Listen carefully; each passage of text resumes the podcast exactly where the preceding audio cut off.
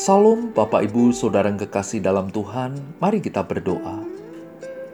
Bapa di dalam surga, tenangkan hati kami. Berikan hikmatmu, kami akan belajar firmanmu. Di dalam nama Yesus, amin. Tema renungan hari ini, Aku telah mendesak engkau. 1 Timotius pasal 1 ayat 3 berkata, ketika aku hendak meneruskan perjalananku ke wilayah Makedonia. Aku telah mendesak engkau supaya engkau tinggal di Efesus dan menasehatkan orang-orang tertentu agar mereka jangan mengajarkan ajaran lain. Arti kata mendesak adalah mendorong dengan tubuh, menyesak hingga pihak lawan mundur, meminta menganjurkan dengan sangat memaksa untuk segera dilakukan, dipenuhi, diselesaikan, karena ada dalam keadaan darurat, genting, hampir habis waktunya. Mengapa Paulus mendesak Timotius? Surat Paulus kepada Timotius adalah surat penggembalaan, di mana Timotius melayani jemaat di Efesus. Pelayanan pastoral di gereja, Paulus terlebih menasehati Timotius sendiri mengenai kehidupan pribadi dan pelayanannya. Paulus sebagai bapa rohani mendorong Timotius untuk mempertahankan kemurnian Injil dan standarnya yang kudus dari pencemaran oleh guru palsu. Paulus memberikan pengarahan kepada Timotius mengenai berbagai urusan dan persoalan gereja di Efesus. Efesus adalah kota terbesar di provinsi Romawi Asia Kecil. Efesus adalah pusat perdagangan karena pelabuhan alamnya yang sangat bagus. Kota bebas adanya situs dari kuil Artemis atau Dian, Diana dalam bahasa Latin, yang merupakan salah satu dari tujuh keajaiban dunia pada masanya.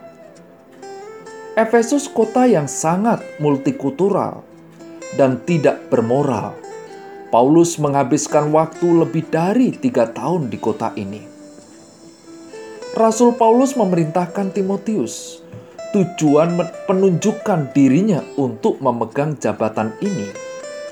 Aku telah mendesak engkau supaya engkau tinggal di Efesus. Penunjukan itu diperlukan supaya Timotius dapat memberikan pelayanan umum kepada orang banyak Aku telah mendesak engkau, katanya.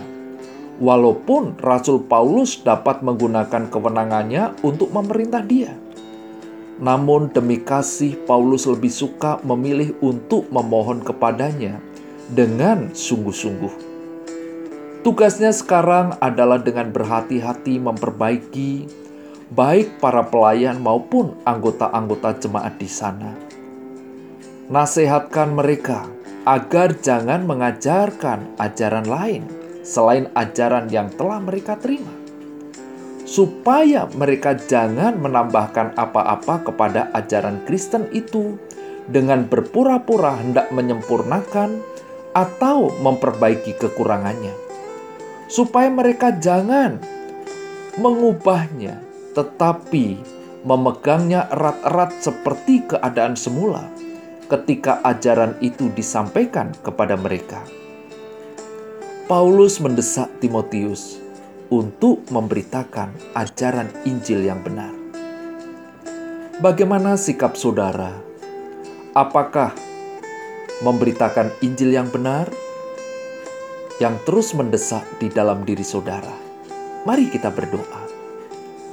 Bapa di dalam sorga, kami rindu terus mendengar Injil yang benar. Berita ini sangat penting dan mendesak bagi kami, juga bagi orang-orang yang belum percaya. Di dalam nama Yesus, amin.